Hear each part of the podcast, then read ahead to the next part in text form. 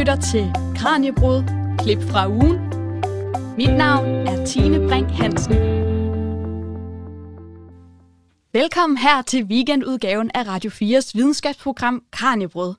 Den næste times tid skal vi høre nogle udvalgte klip fra de programmer, som vi har sendt i løbet af denne uge. Vi skal blandt andet høre om den danske krigshelt Anders Lassen, der kæmpede for de allierede under 2. verdenskrig. Så træder vi ind i antropologiens verden og dykker ned i, hvad et indendørsmenneske er. Så fortsætter vi med at kigge på danskernes streamingvaner og hvilke udfordringer streamingstjenester som Netflix skaber for public service-medierne. Til sidst i programmet hører vi fra en retsmediciner, som har undersøgt alle danske drab fra 1992 til 2016. Velkommen til Kranjebruds klip fra ugen. Anders Lassen. En af historiens mest fascinerende danske krigshelte, der kæmpede for britterne under 2. verdenskrig. Han blev kun 24 år gammel, men formåede alligevel at få tildelt hele tre Military Cross og et Victoria Cross.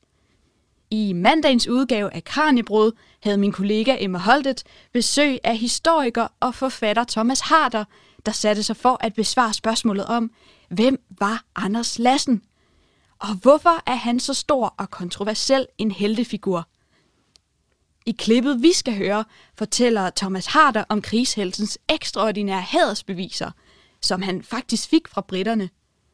Og vi får desuden et indblik i Anders Lassens usædvanlige opvækst. Lyt med her. Altså det at få Victoria-korset er en kæmpe ting i en britisk sammenhæng. Øh, så, så er man rykket op i en fuldstændig særklasse af helteskikkelser, og en meget stor del af dem, der har fået Victoria Kors gennem årene, har ligesom Anders Lassen fået det postum, altså efter deres død, fordi det kræver en så øh, fuldstændig ekstraordinær heldemodig indsats, at mange døde af det. Og øh, Victoria Korset kan samtidig komme til at skygge lidt for Anders Lassens tre gange Military mm. Cross. Men man skal huske, at Military Cross i sig selv er en øh, fornem tapperhedsdekoration. Man gav den dengang kun til officerer, øh, underofficerer og menigmandskab fik Military Medal i stedet for. Men Anders Lassen var en af kun 24 officerer, som fik Military Cross tre gange under 2. verdenskrig. Og man kan jo sige, at det, det er få det ikke bare én gang, mm. men to gange og tre gange, og så Victoria Korset oveni. Det tyder på en vis, kan man sige, en vis systematik. Altså han har ikke bare én gang været grebet af begejstring eller vildskab eller vanvittigt overmod eller noget, men der har været en, øh, en, en bund mm. af ekstrem tapperhed, vågemod, som har været gennemgående gennem hele hans krigsindsats, siden han fire gange, og når man får dekorationer, så er det jo fordi nogen har set det, så altså fire gange, mens nogen har kunne jagtage det og skrive rapporter om det og anbefale en dekoration, har gjort noget, som har været helt ud over det sædvanlige. Det må man sige. Og, øh, og Thomas Anders Lassens krig, den er øh, siden 2010 udkommet nu i øh, fjerde udgave, er vi ude i, og senest også på øh, engelsk, så vidt jeg har forstået. Altså, det er jo mildest talt en hel del år efterhånden, du så har gravet i hans historie. Når du kigger på det samlede billede, hvorfor bliver Lassen så, så stor en heltefigur? Altså ud over selvfølgelig de her medaljer og hædersbevisninger, som vi har hørt om. Altså han bliver jo nærmest den her mytiske skikkelse. Hvad er det ved ham, ud over medaljerne, der er så fascinerende? Det er vel Øh, altså i en dansk sammenhæng på det første, der er han jo en stor sjældenhed. Mm. Han er også en sjældenhed i en britisk sammenhæng, men der er han knap så enestående. Altså der var i det britiske specialstyrker under krigen, var der også andre folk på niveau med lasten. Altså i Storbritannien taler man også om folk som Paddy Mayne og David Sterling, og der er en række andre navne, som altid kommer op og med rette, når man taler om øh, exceptionelt tapre og interessante mennesker i specialstyrkerne, men han er stadigvæk der også en sjældenhed. I Danmark mm. er han vel nærmest enestående, og i Danmark bliver han jo særlig interessant, fordi han altså var en dansker, som kæmpede på allieret side under 2. verdenskrig, da Danmark var besat, og de fleste danskere levede mere eller mindre fredeligt, mere eller mindre tilfreds eller affandt sig med i hvert fald besættelsen. Regeringen førte som bekendt en samarbejdspolitik, der mm. var en modstandsbevægelse, men der var kun cirka 1000 danskere, som kæmpede i allieret uniform. Så var der de 8.000 krigssejlere. Men det er en anden historie. Altså, han, han var en af ikke særlig mange, og han var den af dem, som opnåede den, den højeste anerkendelse, og ikke bare den højeste af dem, men en anerkendelse helt ud over øh, det, det sædvanlige også i den store britiske sammenhæng. Og det gjorde han jo ved at deltage i aktioner, som var Øh, mange af dem meget spektakulære og havde øh, i høj grad sådan et element også af sørøverhistorier. Mm. Der, der var nogle elementært gode historier, de har været nemme at fortælle om. Det er små operationer, som gør, at de er forholdsvis overskuelige at, at genfortælle. De er ikke altid nemt at finde ud af, hvad der egentlig skete i virkeligheden, men det er alligevel historier, som er til at forstå, når de bliver fortalt. Mm. Og der er mange, der har lagt mærke til ham, mm. og har nævnt ham i erindringer, og har fortalt om ham, og har skrevet om ham, så han var relativt veldokumenteret. Han er jo en meget farverig karakter. Hvorfor er det, at Anders Lassen også til tider altså fremstår sådan som en kontroversiel helte- og lederskikkelse? Er der nogle konkrete eksempler, vi kan komme ind på? Altså kontroversiel, øh, det, det kan man godt sige. Altså man kan sige, at i hans samtid, der var der jo folk overordnede og, og andre officerer og hans mandskab, som jo lagde mærke til, at han havde en, øh, lad os bare sige, en, en temmelig kort lunte, og at han godt kunne finde på at indskærpe disciplin med, altså ved, ved at tæve sine underordnede. Der er en øh, episode, øh, hvor en anden officer bemærker, at han sparkede tænderne ud på en sergeant, som i og for sig ikke havde foretaget sig noget særlig forkert, eller ikke noget andet end det, de nu plejede at gøre i den her lidt ureglementerede enhed, som Lassen var chef for. Men Lassen var i dårlig humør, fordi han var blevet skældt ud af en overordnet på grund af dårlig disciplin blandt mandskabet, og denne overordnede var så overordnet, at han ikke bare kunne banke ham eller svare flabet igen, og så afreagerede han på den her sergeant, som fik formentlig sparket tænderne ud, men ikke klagede over det. Enten fordi han var bange for Lassen, eller fordi han holdt af ham og beundrede ham og fandt sig i det af den grund, eller fordi der i Special Boat Service øh, var sådan et øh, ethos, som gik ud på, at ja, sådan noget sker jo, og vi er mænd, og, og vi tager, hvad der kommer. Så altså, en, det, det er jo ikke sådan, man ville anbefale, håber jeg, øh, sådan moderne ledere eller moderne officerer i nogen som helst civiliseret her, at behandle deres mandskab øh, på så primitiv og brutal en måde.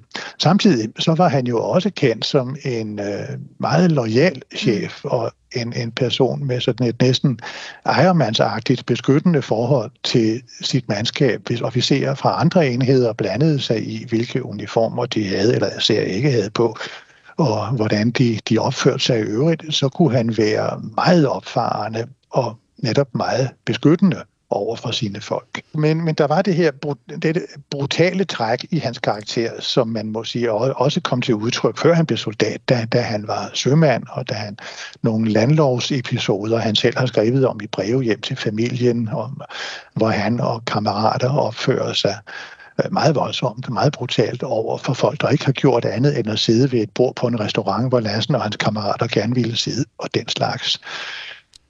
Og det, det er den ene side, og den anden side af det, man kan kalde kontroversielt, eller man kan kalde det andet, er, at, at nogle af hans kammerater i krigen synes måske, at han var lidt for glad, lidt for ivrig efter at stå tyskere ihjel. Altså han var drevet formentlig af et stærkt had til tyskere, en meget stærk vrede over, at de havde besat hans hjemland, og der er nogle af britterne, der bemærkede, at ja, vi var jo i krig, fordi det skulle vi jo, og vi slog også tyskere ihjel, fordi det var vi jo nødt til, og ellers ville de jo slå os ihjel, og det var jo det, krigen gik ud på. Det var sådan, man vandt den.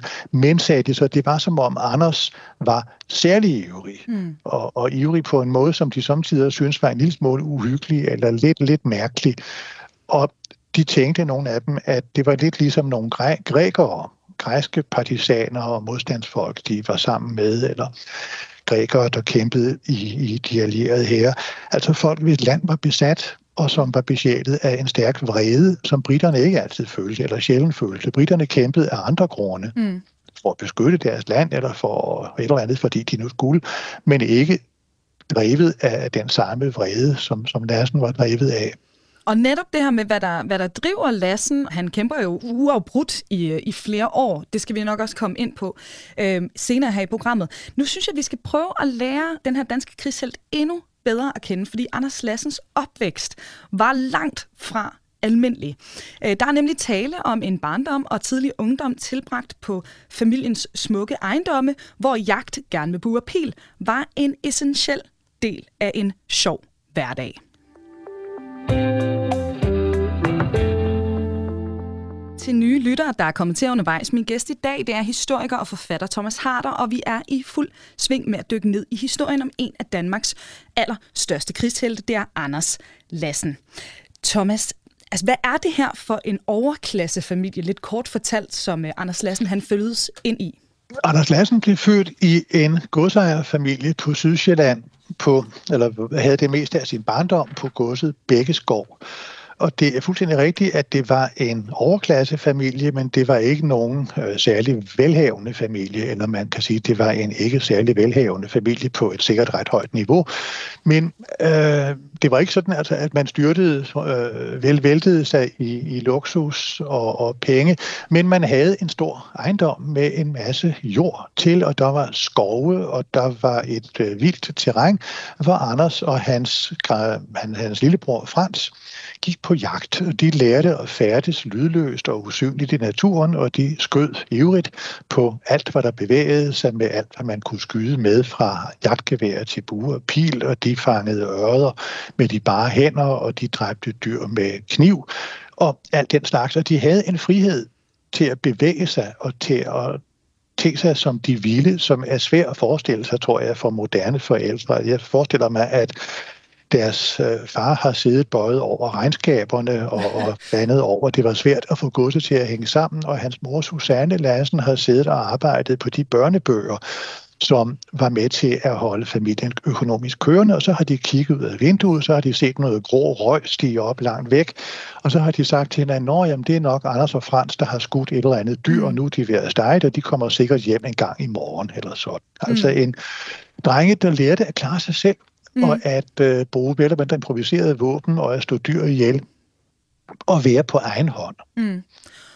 Og altså, det går jo selvfølgelig ikke, og det lyder jo fantastisk, og jeg synes især, når man læser om det her, det lyder sådan helt eventyrligt, den her opvækst, han har haft med ture ude i skoven og overnatning ude i det fri og jagt osv., men, men det går jo ikke det her med bare at, at gå på jagt hele dagen. Anders, han skal jo altså også uddannes, men øh, det har han altså lidt svært ved.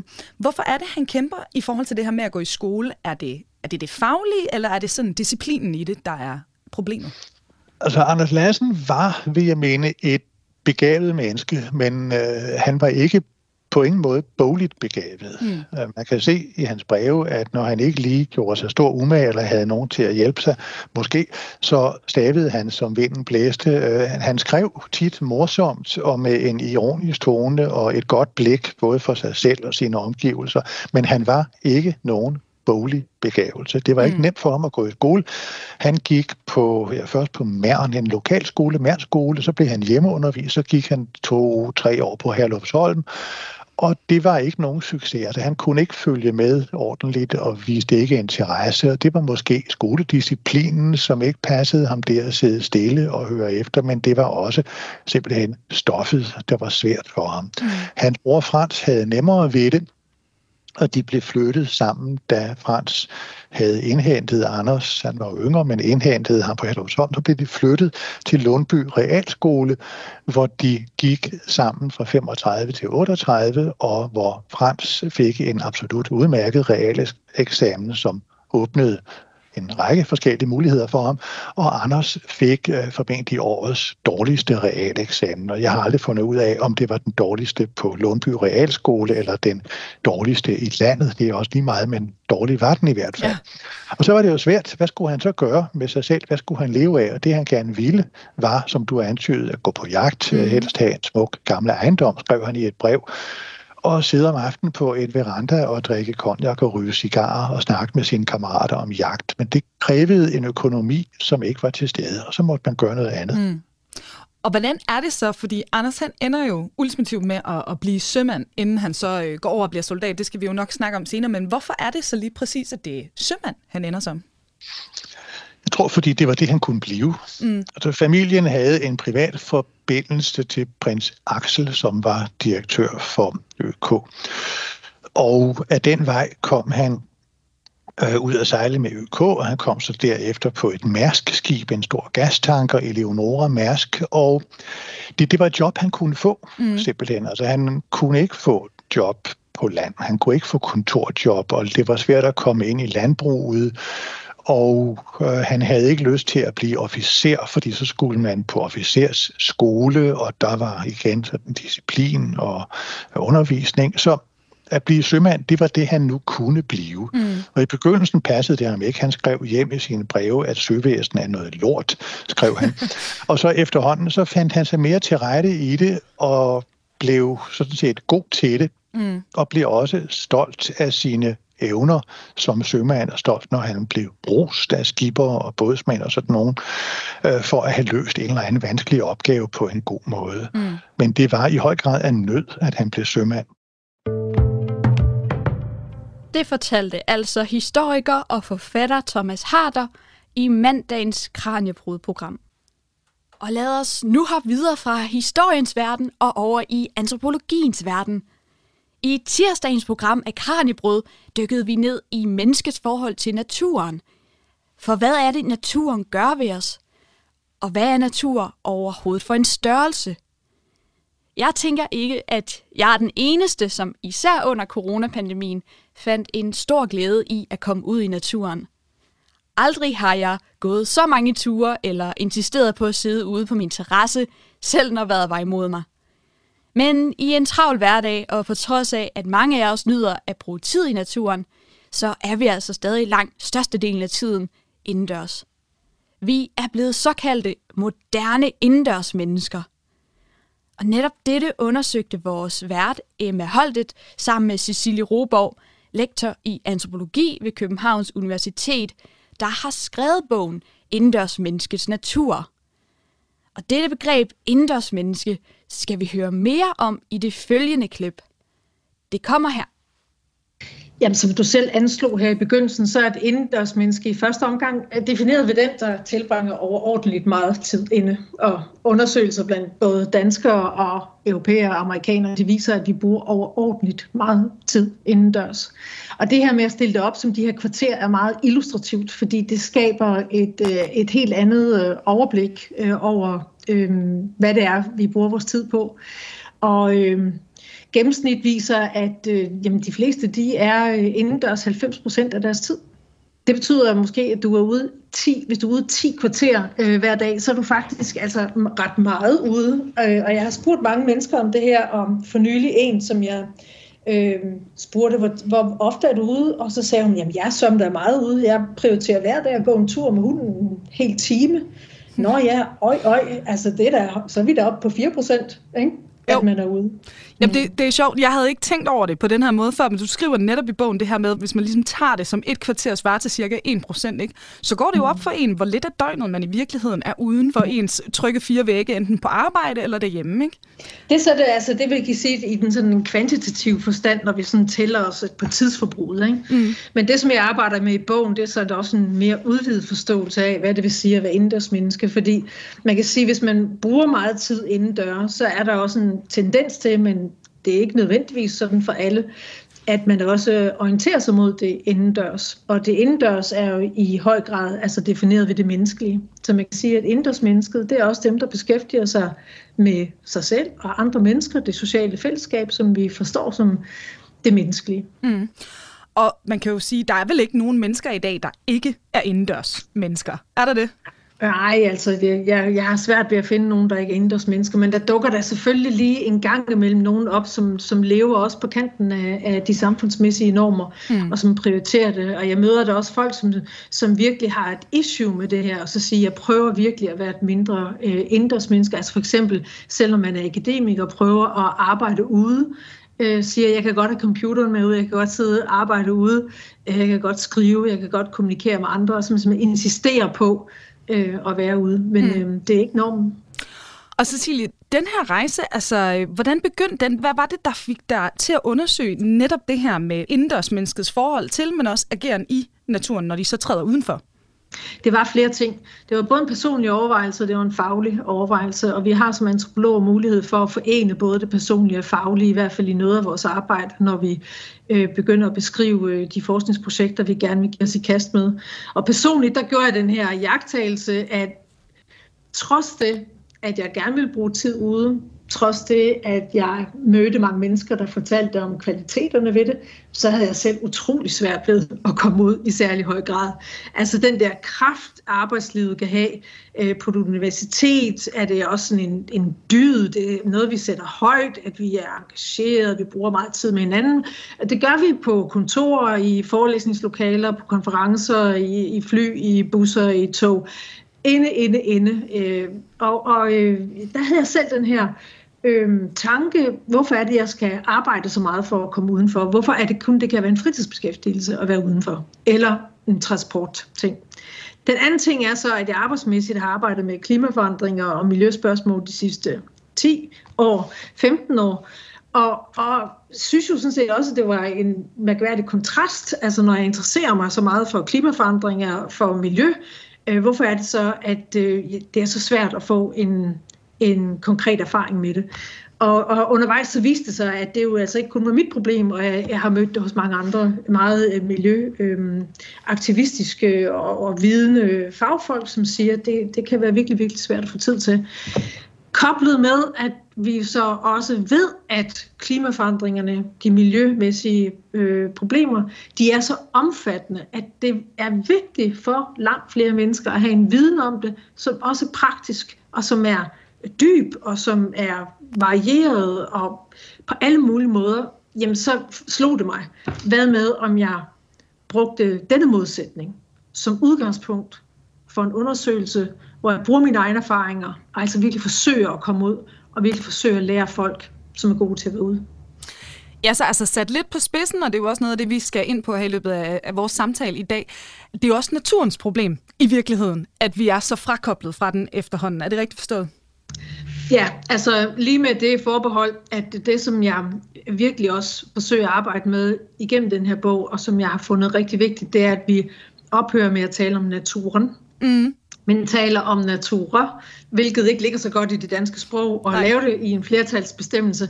Men øhm, altså, bogen er sådan en lang øh, forsøg på at skrive frem, at der er rigtig mange naturer, mm og at øh, det ikke er en fordel for os øh, forståelsesmæssigt at, at, at kunne have et begreb for det. Og det var vel også en del af formålet med bogen her, så vidt jeg har forstået det, at du gerne ville give os netop et sprog mm. til den her samtale, til den her debat, vi jo også skal tage offentligt om, hvad der skal ske med så de her, som du siger, forskellige naturer, og det kan vi godt afsløre for lytterne. Mm. Vi skal nok folde dem ud i løbet af mm. samtalen. Men det var altså også simpelthen at udstyre os med et nyt ordforråd. Jo, altså jeg opfattede igen, øh, både øh, som et personligt og et fagligt anlæggende, at det virker som om, at der er en, en gryende interesse der er en gryende opmærksomhed. Der er en gryende opmærksomhed på, at der er et, et antal kriser, vi bliver nødt til at forholde os til. Mm. Men også, at der er en fornemmelse af, at man savner sprog for det. Mm. Og det ser jeg jo som en af af kulturvidenskabernes opgave, at man så opsøger folk, som måske er sådan in the forefront of things, altså avantgarden, eksperterne, dem, der har den sans, vi leder efter, lære dem og forsøge at brede det ud, integrere det i et sprog, som mange kan få glæde af. Ja, og dem skal vi altså også lære at kende her i løbet af programmet, så det kan lytterne glæde sig til. Når vi nu er inde på det her med, med dem, øh, vi kan lære noget af i den her forbindelse, så øh, begynder vi jo også at arbejde os ind på den måde, du rent faktisk har undersøgt det her på. Altså, mm-hmm. det er jo et kæmpe emne det er et relativt mm. svært håndgribeligt emne, som vi også er inde mm. på. Altså i forhold til sådan antropologisk øh, øh, design af det her studie, altså hvordan var det, du, mm. du konkret bar dig ad med det her? Altså der har jeg båret mig uortodokst an. Jeg har, jeg har lavet et meget, meget bredere studie, end jeg nogensinde ville øh, anbefale mine studerende for eksempel. øh, og øh, jeg har lavet et bredere studie, end jeg selv nogensinde har gjort før. Og det hører med til emnets karakter, netop det her med, at jeg at det er vigtigt at prøve at forstå bredden i, hvad natur er. Mm. Og øh, derfor så har jeg både opsøgt øh, folk, som er virkelig naturnørder i den forstand, at de har en virkelig dyb naturhistorisk interesse og praksis. De kender fugle, de kender planter, de færdes ofte i skoven eller på stranden, på overdrev, alle mulige steder, og de har en meget stor naturhistorisk viden og glæde ved det. De er optaget af øh, og har et sprog om den, hvad kan vi sige, den ydre natur. Mm. Og det er det, jeg kalder for den første natur. Den natur, som vi opfatter som uafhængig af os selv, eller som op, også når vi reducerer det til ressourcer for eksempel. Altså der er det menneskelige, og så er der naturen. Mm. Øhm, og det er så et aspekt, af, som er utrolig vigtigt, og så der begyndte jeg, fordi det også er for de fleste mennesker er den mest indlysende indgang til at tale om naturen. Det er det, som vi oftest forstår som natur. Mm. Og derfor så opsøgte jeg folk, som, som, som øh, har erfaring i det her, og jeg begyndte så med at tage på stranden. Jeg kunne lige så godt tage, være taget i skoven, fordi hvis man ser på, hvad danskere hyppigst gør, og hvad de oftest opfatter som natur, så er det strand og skov. Jeg arbejdede så sammen med nogle svenske øh, øh, forskere, og de tog sig især af skoven, og så tænkte jeg, at det var oplagt at se på stranden i en dansk sammenhæng. Øhm, også den kan sige, den danske natur udmærker sig ved at have overordentligt meget kyst og rigtig meget strand. Og øhm, når man spørger danskerne, hvor de opfatter, at naturen er, så er det virkelig meget ofte stranden, de nævner. Du lytter til Radio 4 lige for at få sådan en fornemmelse, fordi du, du er jo netop altså i bogen, man kommer meget tæt på de her personer, som, som du interviewer, mm. og som du også får lov til jo at øh, komme tæt på igennem din undersøgelse. Jeg tænker, jeg har fået min kollega Kasper til lige at læse øh, en lille bid op, for at give os en fornemmelse af det her. Så jeg tænker, vi skal lige høre det her eksempel, og det er her om øh, strandmennesket Liv fra Tisvilde Leje, der altså i den grad føler sig forbundet til den natur og det kystlandskab, der findes lige ude foran hendes hus. Og øh, den lille bid, den kommer her. Selvom Liv tilbragte det meste af dagen indendørs og ikke længere kunne gå til købmanden eller plukke margaritter, så konstaterede jeg, at jeg var 10 gange mere indendørsmenneske end hende hvor jeg som inkarneret indendørsmenneske hele tiden tabte forbindelsen til landskabet, som derfor også var et fjernt derude, så var det som om hun konstant tilbragte dagen med at konversere kastanjetræet uden for hoveddøren, passe urterne i trækassen og med at forsvare sine hybenroser mod Naturstyrelsens forestilling om, at de var invasive og dermed skadelige. Det var som om hun trak vejret med det konstant skiftende hav. I dag kom der en solsort med mad i munden og ville tale med mig, kunne hun sige. Eller, da de første vintergækker kom, gik jeg ud i store gummistøvler med en gammel spade, for ind skulle de. Eller, man kan blive ved med at kigge uendeligt længe, så længe noget siger tak. Eller, når man er i naturen, har man alt. Liv talte tit i korte sætninger. Ligesom hendes hus var ganske lille, forstod hun at spare på ordene – uden at det blev trangt af den grund. Ja, og øh, Cecilia, altså som du beskriver i bogen her, altså Liv, hun er jo virkelig en person, når man læser den, man får en fornemmelse af, at hun sådan er connected til, øh, til, til alt det derude på en, på en særlig måde, og vi skal nok komme ind på de her forskellige øh, mennesker, som øh, du snakker om i løbet af samtalen her, men overordnet set, inden vi kommer dertil, så vil jeg gerne høre, i kraft af det her projekt, og i kraft af at møde folk som Liv, biologerne, klimaaktivisterne, alle de andre, du beskriver i din bog, føler du egentlig selv i dag, at du så er tættere forbundet til det udenfor, end, øh, end før du begyndte den her rejse? Ja, så afgjort. Altså, jeg har lært øh, utroligt af de folk, som jeg har fået lov til at tilbringe tid med at stille alle mulige, altså umulige og mulige spørgsmål til. Uh, Liv var jo, altså, jeg siger, jeg siger det i datid, fordi hun, hun døde øh, undervejs i projektet, så hun nåede heller ikke at læse det, jeg skrev om hende. Øhm, men hun var en fantastisk lærermester, og hun forstod også, at jeg må gøre tingene på min egen måde. Og, og det er jo noget, som jeg, et råd, og, øhm, altså, som jeg sådan set synes, jeg kan give videre, det er, at det er fantastisk at opsøge mennesker, som er meget vidende, øhm, men de skal også have en forståelse for, ligesom man selv skal, at man ikke kan overtage de andres praksis. Og det er Liv her, hun havde en vidunderlig sans for det, at jeg måtte tage det, jeg kunne bruge, og, og gøre det til mit eget, og også havde en respekt for ja, det arbejde, som jeg forsøgte at gøre. Hun var en fantastisk lærermester. Hun brugte øh, flere timer hver aften på at se ud af vinduet på havet, og havde altså en, en utrolig nuanceret forståelse af, af havet, dets bevægelser og farver, og det liv, som øh, det var udtryk for.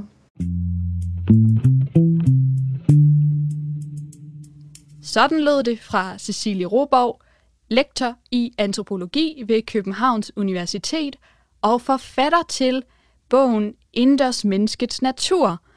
Jeg hedder Tine Brink Hansen, og du lytter til weekendudgaven af Radio 4's videnskabsprogram Karnjebrød. Her serverer jeg nogle udvalgte klip fra de programmer, der er blevet sendt i løbet af ugen. Nu hvor vi er blevet præsenteret for begrebet indendørs menneske, virker det som en oplagt overgang, at vi nu skal dykke ned i streaming og public service medier. For er der noget, vi danskere elsker, så er det at sidde foran vores tv indendørs. I det følgende program fra onsdagens Kranjebrudprogram satte min kollega Peter Løde i samarbejde med professor i medievidenskab Hanne Brun sig for at undersøge, hvilken indflydelse streamingstjenesternes øgede popularitet har på public service medierne, og hvorvidt public service medier lever op til deres demokratiske forpligtelser. Vi starter dog med at hoppe ned i udsendelsen, hvor Peter Løde netop har spurgt gæsten om, hvordan danskernes streamingvaner ser ud. Og det lyder sådan her. Altså, danskerne er super glade for at streame. Vi er flittige brugere af de her uh, subscription on demand videotjenester, SVOD'er, som man kalder dem, som Netflix, Disney Plus og HBO Max, de der store transnationale tjenester. Og det skyldes, at vi har en meget, meget stærk digital infrastruktur i Danmark. Det er meget let for folk at få gode forbindelser, det er relativt billigt, og de får derfor mulighed for at se de her øh, indholdsleverandørers tilbud uden de store problemer med deres internetforbindelse. De kan både gøre det og spille og være på nettet samtidig og den slags. Så det er jo afgørende, og det er anderledes andre steder i verden. Men i Norden og i Danmark har man prioriteret den her digitale infrastruktur ret højt, så folk har gode forbindelser. Det betyder selvfølgelig noget. Og det er det, som danske tv-stationer også er med i, så de har også haft de her streaming services for i lang, lang tid. Det er jo ikke noget, der er kommet inden for de sidste tre år det er for mange år siden. Hvis vi kigger på det store forbrug af audiovisuelt indhold i Danmark, så skal vi lige have nogle begreber på plads. Vi skal skelne mellem linær tv-forbrug, det vi ser, gammeldags flow-tv, som nogen kalder det, linært tidsstruktureret tv over for ikke-linær forbrug, hvor vi sådan går ind og vælger og tager et program frem, som blev sendt for flere måneder siden måske, og ser det.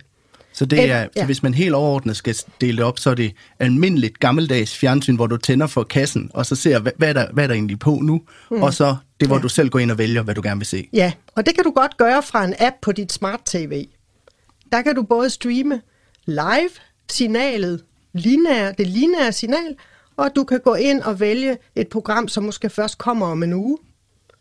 Altså præ, øh, premiere, øh, forpremiere på et eller andet, og så kan du finde noget gammelt. Så der kan du gøre begge dele. Ikke? Så du kan, gøre, du kan se tv på to forskellige måder i dag. Det kunne man ikke så let i gamle dage. Der skulle man til at optage på en, en DVD-rekorder eller et eller andet. Du bliver jo nødt til at have et eller andet, hvor du kunne gemme noget på for at tidsforskyde. Og det er en ny øh, måde at bruge tv på, vi, vi er i gang med at se her. Den, øh, det forbrug, vi har på linær tv i Danmark, er på to timer og syv minutter fra 2021, sådan cirka. Øh, det er et fald med en time fra 2010, hvor vi havde sådan en all-time high på 3 timer og 10 minutter.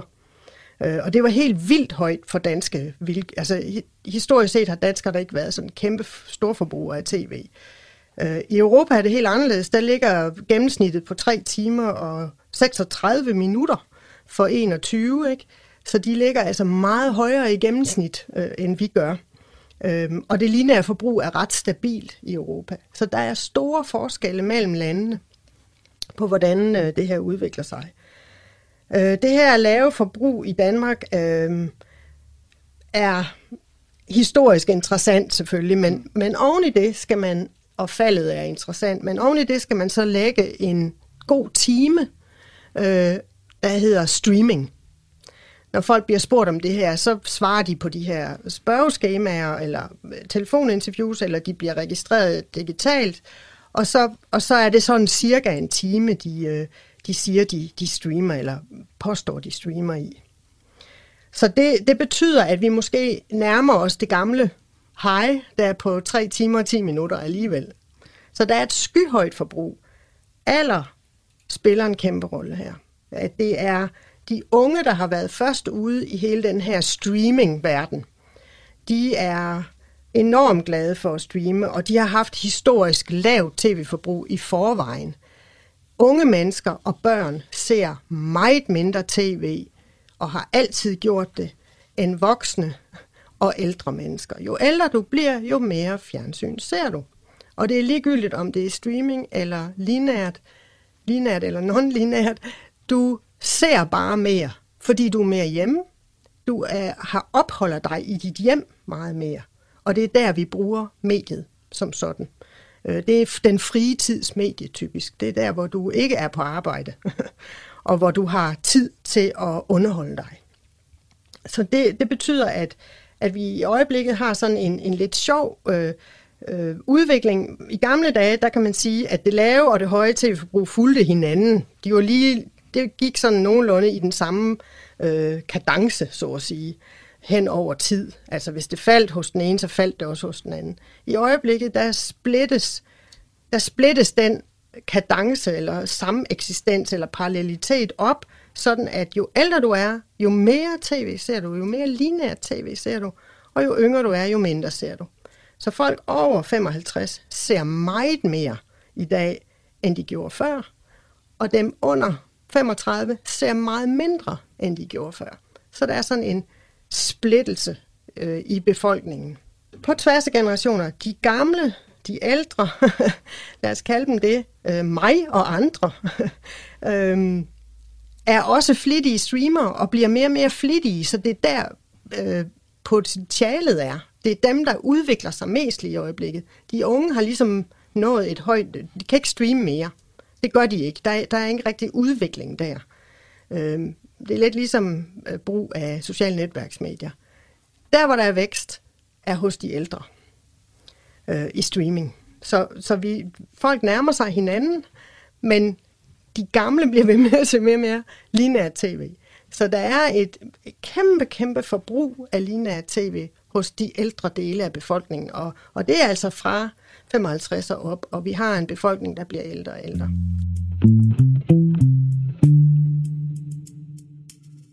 Og public service her i Danmark, det er jo fastsat ud fra det, der hedder paragraf 10 i serviceloven. Og lad os lige prøve at høre, hvordan den lyder.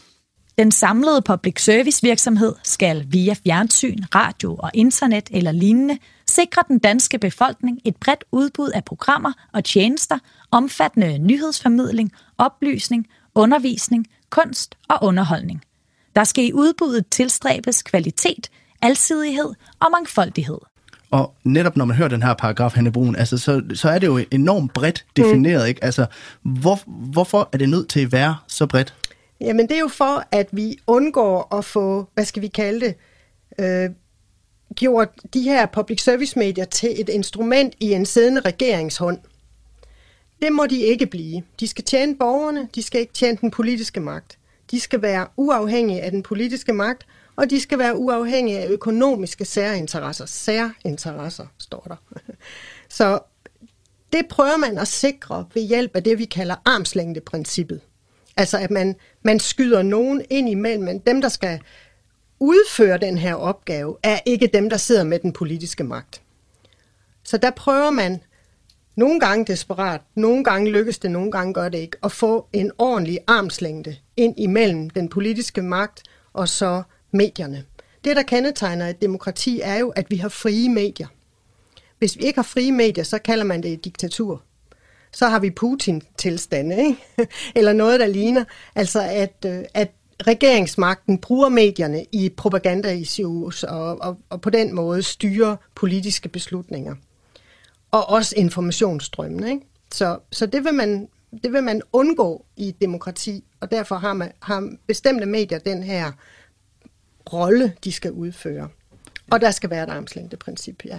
Ja, for en, en stor del af diskussionen omkring public service øh, handler jo også meget om, hvilke programmer, der så er public service, og hvilke, der ikke er public service. Men det er mere flydende, end, end man kan ja. pege på et program og sige, at det lever op til. Ja, det er det. Altså, det er en generel forpligtelse til at have et udbud, der lever op til de her idealer. Det er ikke en forpligtelse rettet mod et enkelt program. Det er en forpligtelse mod hele det redaktionelle udbud fra en tv-station eller en radiostation, eller hvad det nu måtte være. Øhm, men på trods af den her flydende begrebskompleksitet, så er der nogle grundlæggende aspekter, som de fleste tv-stationer navigerer efter, og som lovgivningen også påpeger er vigtige. Og det er det første, det er universalitet. Altså det skal være tilgængeligt. Det indhold, der produceres af de her institutioner, skal gøres tilgængeligt. Der står i paragraf 10, og lignende, internettet og lignende. Så der har man det, man kalder en, en platformsneutralitet indskrevet i paragraf 10. Sådan at det handler simpelthen bare om at få det her ud til folk. Så derfor har TV2 og DR også en streamingtjeneste og en hjemmeside og alt muligt, sådan at de har mulighed for at leve op til at få det ud til den her befolkning, der i princippet jo har betalt for det, eller har bedt om at få det på vegne af Folketinget. øh, altså det er Folketinget, der beder nogen om at levere en ydelse til befolkningen. Ikke? Men jeg tænker også, at når definitionen er så mm. bred, som den, ja. som den jo er, så må det jo også i høj grad være et tolkningsspørgsmål, hvad der så ja. er public service eller ej. Altså, ja. hvordan kan man se, at den tolkning har ændret sig gennem tiden? Altså, det er jo noget, vi ikke rigtig kan se, andet end hvis vi sammenligner med gamle programmer. Altså, hvis man kigger på, der skal man have en vis alder for at huske også, hvordan det så ud i gamle dage. Men hvis unge mennesker skal, skal få et, et kulturschok, så er det ofte at se et underholdningsprogram fra 70'erne og sammenligne det med et underholdningsprogram fra lige nu og her. Ikke? Eller TV-avisen, som et andet klassisk eksempel fra 70'erne og nu. Der vil man se nogle helt vilde forskelle i måden, vi bliver tiltalt på, i tempoet, i indholdet af, hvad er det for nogle emner, man kan tale om, hvad er det, man beder folk om at gøre, hvem er med i programmerne, og hvordan er de med, og sådan noget. Det skifter. Hanne Brune, kan godt til mig at høre helt til sidst. Nu hører vi det her med, at public service jo er en organisme, og vi har talt om, hvordan det har ændret sig gennem tiden, og hvordan der også kommer nogle nye krav til public service. Men hvad kommer man til at skulle være opmærksom på med hensyn til public service i en streamingtid? Det, jeg synes, de, øh, de, der er fokus på i øjeblikket, det er publik- publiceringsstrategier. Øhm, og det er derfor, vi også interesserer os for det. Altså det er det, der er altafgørende. Hvordan får man tilrettelagt et tilbud, som bliver synligt for publikum at vælge? Så visibility, som det hedder på, på nydansk, eller synliggørelse af det vigtige indhold, er svært i dag, fordi der er den her store konkurrence, og fordi til forskel fra de lineære kanaler, hvor man ligesom kan, kan vise, hvad der kommer, og, og, og, og rumme rigtig meget, så er det sådan streaming hjemmesider jo bitte små, og der kan ikke være ret meget synliggjort på det der øverste niveau, hvor karusellen kører. Så der bliver et, en udfordring omkring synliggørelse af indholdet.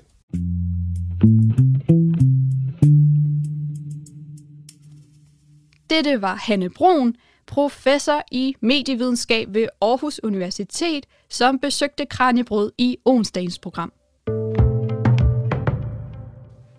I vores sidste klip fra ugen tager vi på arbejde med retsmedicineren – i torsdagens udgave af Kranjebrud havde vores vært Emma Holtet besøg af Asser Hedegaard Thomsen, der er retsmediciner og har forsket i drab i Danmark.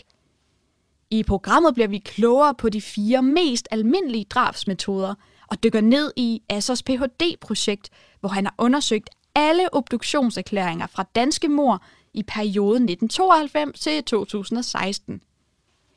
Vi hopper ned i klippet, hvor Asser Hedegaard Thomsen fortæller om, hvordan han kom i gang med dette kæmpe projekt.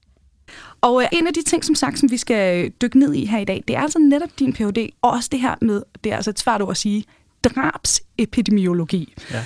Du har simpelthen undersøgt obduktionserklæringerne fra alle drab i Danmark i perioden 1992 til 2016. Herigennem der har du udført tre forskningsstudier.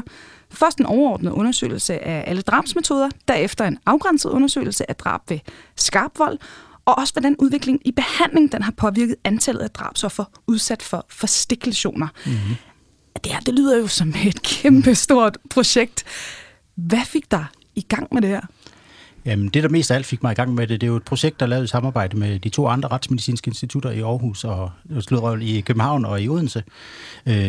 Mest af alt var det, at sådan noget med drab er bare helt vildt spændende, og det er mm. noget af det, der gør, at jeg arbejder med retsmedicin. Jeg synes, det er spændende at være med til at finde ud af, hvad hulen der, der er sket.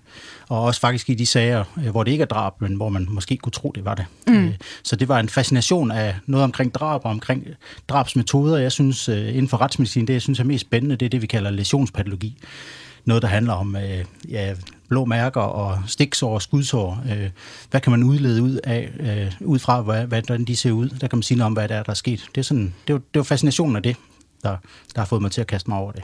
Og hvor mange år tog det? Altså, jeg gætter ikke på, at det her det er noget, man laver på en normal sådan Ph.D projektstid? Øh, nej, altså selv phd projektet øh, sådan med at være indskrevet, sådan, og det har egentlig fulgt øh, sådan, som det er, men jeg startede faktisk overtog projektet fra en anden, en, der var gået lidt kold i det i øh, 2006 okay. i februar, og så har jeg gået og tænkt over det, mens jeg uddannede mig, og så mm. blev jeg uddannet som speciallæge i 2014, og der gik jeg i gang med at samle øh, data ind, men har gået og tænkt rigtig meget over det.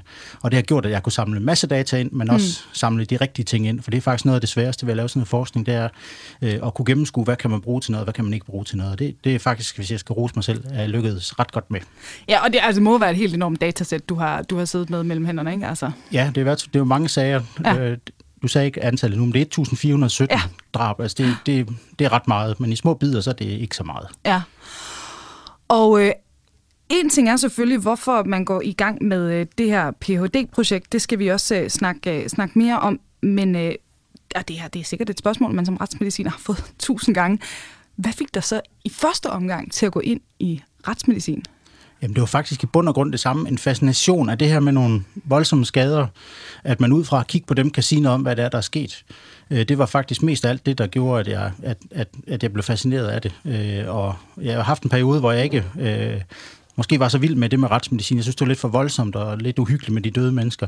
Øh, men, men så har jeg alligevel ikke kunne lade de bøger være, øh, der handler om det, når jeg var nede i boghandleren eller på biblioteket. Og så har jeg prøvet at have et praktikophold på instituttet for mange, mange år siden, mm. og så er jeg bare blevet hængende lige siden. Var det svært i starten, synes du? Altså det her med, med, med døde kroppe og obduktionerne? Ja, ja, der var jeg, første gang jeg så en obduktion, der har jeg været, været 21 år, 20 år. Der ved man jo ikke helt, man skal dø nu. Øh, og, og øh, ja, der var mange spørgsmål i livet øh, på det tidspunkt. Øh, så det skulle jeg da lige, lige vende mig til. Og så finder man ud af, at de ikke gør noget, de døde. At mm. det, det er uhyggeligt, men, øh, men de gør ikke noget, og så vender man sig til det. Og så lige så stille gør det mig ikke rigtig noget. Og får man også lidt hjælp undervejs, hvis der er nogle sager, der er særligt sådan øh, voldsomme? Øh, ikke andet end man taler med nogen mm. der i starten. Øh, nu har vi så, nu hvor jeg arbejder med det, der har vi, når vi har svære sager, så taler vi med hinanden om det, og har mm. også en psykolog, der kommer en gang imellem. Og det er meget godt at få snakket om tingene. Du lytter til Radio 4. Og altså, da vi talte sammen for et par uger siden i udsendelsen her, der, øh, der fortalte du mig også noget, som jeg egentlig synes var ret overraskende. Nemlig, at du faktisk bruger cirka halvdelen af din tid på levende patienter. Hvad går den del af, af retsmedicinerens arbejde ud på? Ja, altså cirka halvdelen af den tid, vil jeg sige, at jeg øh, arbejder, bruger jeg på noget med levende at gøre. Ja. Og det er, jo, det er jo så ud fra det, vi kalder personundersøgelser, som vi typisk har i vagten. Typisk i weekenderne, typisk på skæve tidspunkter. Mm. Øh, det er øh, ja, voldsoffre og andet, som politiet gerne vil have undersøgt i sager med grovere vold. Øh, det er ikke nok lige med et par lusinger, der skal være sparket og trampet og slået med genstanden, øh, kvælning, skud, skud og stik med kniv, og så har vi masser af voldtægtsundersøgelser også. Mm. Øh, undersøgelser af børn, der var udsat af forskellige ting, øh, blandt andet seksuel overgreb, og så øh, de mistænkte i de sager øh, kan politiet også vælge at få undersøgt. Mm. Øh, og det må undersøge vi, og så laver vi en erklæring, der kan blive brugt øh, til efterforskning. En erklæring, det er en slags rapport, som så kan blive brugt i efterforskningen, og i sidste ende jo blive læst op i retten, hvor mm. man så skal, hvis man bliver kaldt ind, skal forklare, hvad det egentlig er, man mener med det, man har skrevet. Og er det noget nyt at bruge retsmedicinerne på den her måde, eller har man altid gjort det? Øh, jeg ved ikke, hvor langt tilbage man har gjort det, men det er relativt nyt, at vi gør det så meget, mm. øh, som vi gør det. Jeg har ændret sig. Jeg startede i faget med arbejde som læge i 2005, og der havde jeg slet ikke så mange af det, så der kom mere og mere af det. Mm. Og det er dels noget at gøre med, at vi har overtaget et større område, øh, vi dækker med de her ting på vores institut, og også at man er blevet opmærksom på, at det er rart at have en erklæring på det her, når det skal i retten. Mm. Så det, det er nok derfor, så det, det er noget, vi ser mere og mere af. Og øh, nu skal vi jo, som jeg sagde her i dagens program, dykke ned i, hvad øh, du fandt ud af i det her meget omfattende Ph.D.-projekt, som, øh, som du har lavet. Så øh, jeg synes lige, vi skal høre nogle af de centrale nøgletal og resultater, som du også fremlægger i Ph.D.'en. Og det er altså på baggrund, som sagt, af alle danske drab fra 1992 til 2016.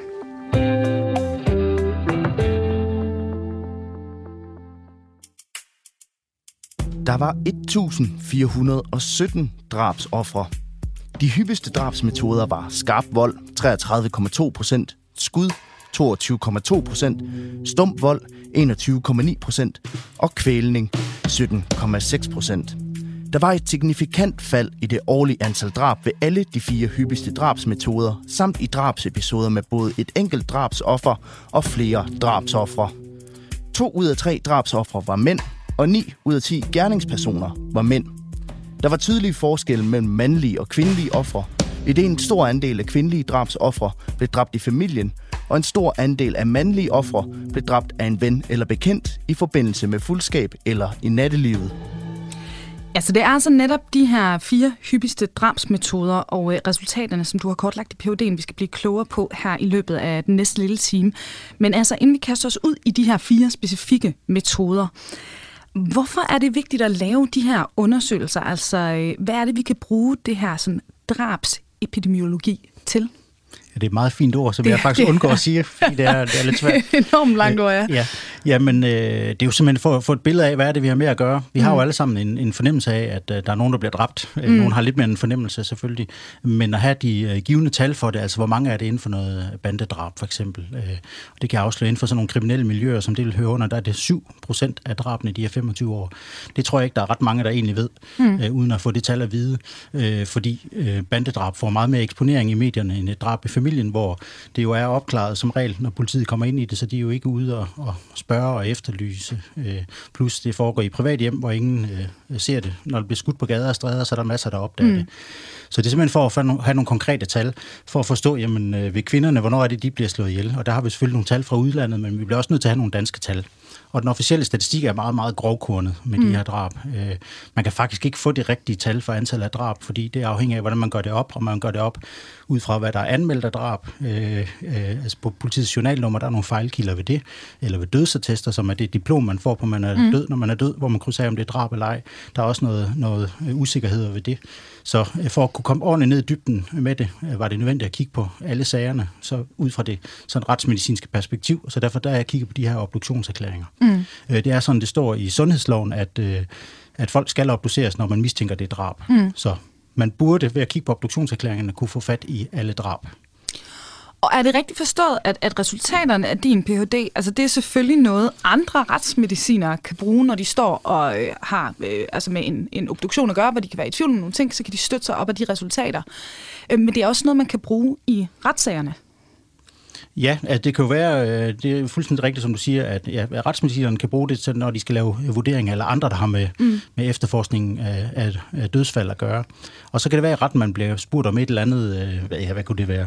Hvor mange er stukket med kniv i ribbenene, øh, når de er stukket i brystkassen.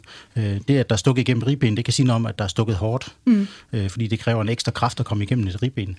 Og der kunne man få et spørgsmål omkring det. Jeg kan ikke lige komme i tanke om, i, hvilken forbindelse, men det kunne det være. Ja. Og der kunne jeg jo sidde som retsmediciner og sige, at jeg har lavet så og så mange obduktioner, jeg vil nok skyde på, at det er i 50 procent af, mm. af af, af dødsfaldene. Og det var et ret godt gæt, fordi det er faktisk øh, omkring 50 procent af dem, ja. der er stukket, der har øh, huller på et eller flere ribben, som mm. følger stikkene.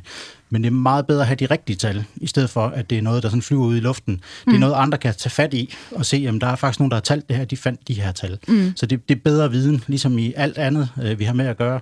Øh, der har vi jo ret i mange af de ting, vi går og antager, men jo ikke det hele. Øh, og, og ja, så det er sådan elementært videnskabeligt. Det er godt at have nogle tal på det. Ja, så det her, det giver simpelthen er retsmedicineren, der vidner i en retssag noget at, at støtte sig op af. Altså, ja, ja. ja, bestemt. Ja. Og mere når vi ikke i dag. Men du kan lytte til mere Kranjebrød her på kanalen i morgen kl. 12.10, hvor vi kigger nærmere på kinesisk litteratur. Hvis du er interesseret i at høre et af de programmer, jeg har spillet klip fra her i dag, så kan du finde dem alle sammen i fuld længde, både på Radio 4's hjemmeside eller i din podcast-app. Hvis du har en god idé til et fænomen eller et tema, som du synes, at Kranjebrud skal tage op med forskere her i studiet, så kan du altid sende os en mail på kranjebrud radio4.dk. Jeg hedder Tine Brink Hansen, og jeg vender tilbage med flere klip fra ugen, der gik i næste uge. Tak fordi du lyttede med, og på genhør.